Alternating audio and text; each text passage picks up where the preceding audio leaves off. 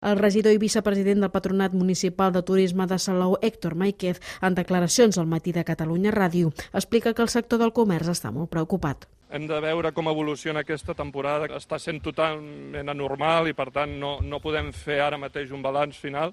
Evidentment no serà bo el balanç, la davallada de facturació serà important, però potser hauríem d'esperar una miqueta a veure com, com acaba la temporada. Home, és una sensació trista, evidentment, no és agradable i, i, sobretot penses en, en, en tots aquells negocis familiars, sobretot que patiran molt. Maiquet admet que Salou és un dels municipis que més patirà aquesta crisi i sectors com el comerç, a banda dels ajuts de l'Ajuntament, també esperen poder rebre el suport d'administracions supramunicipals.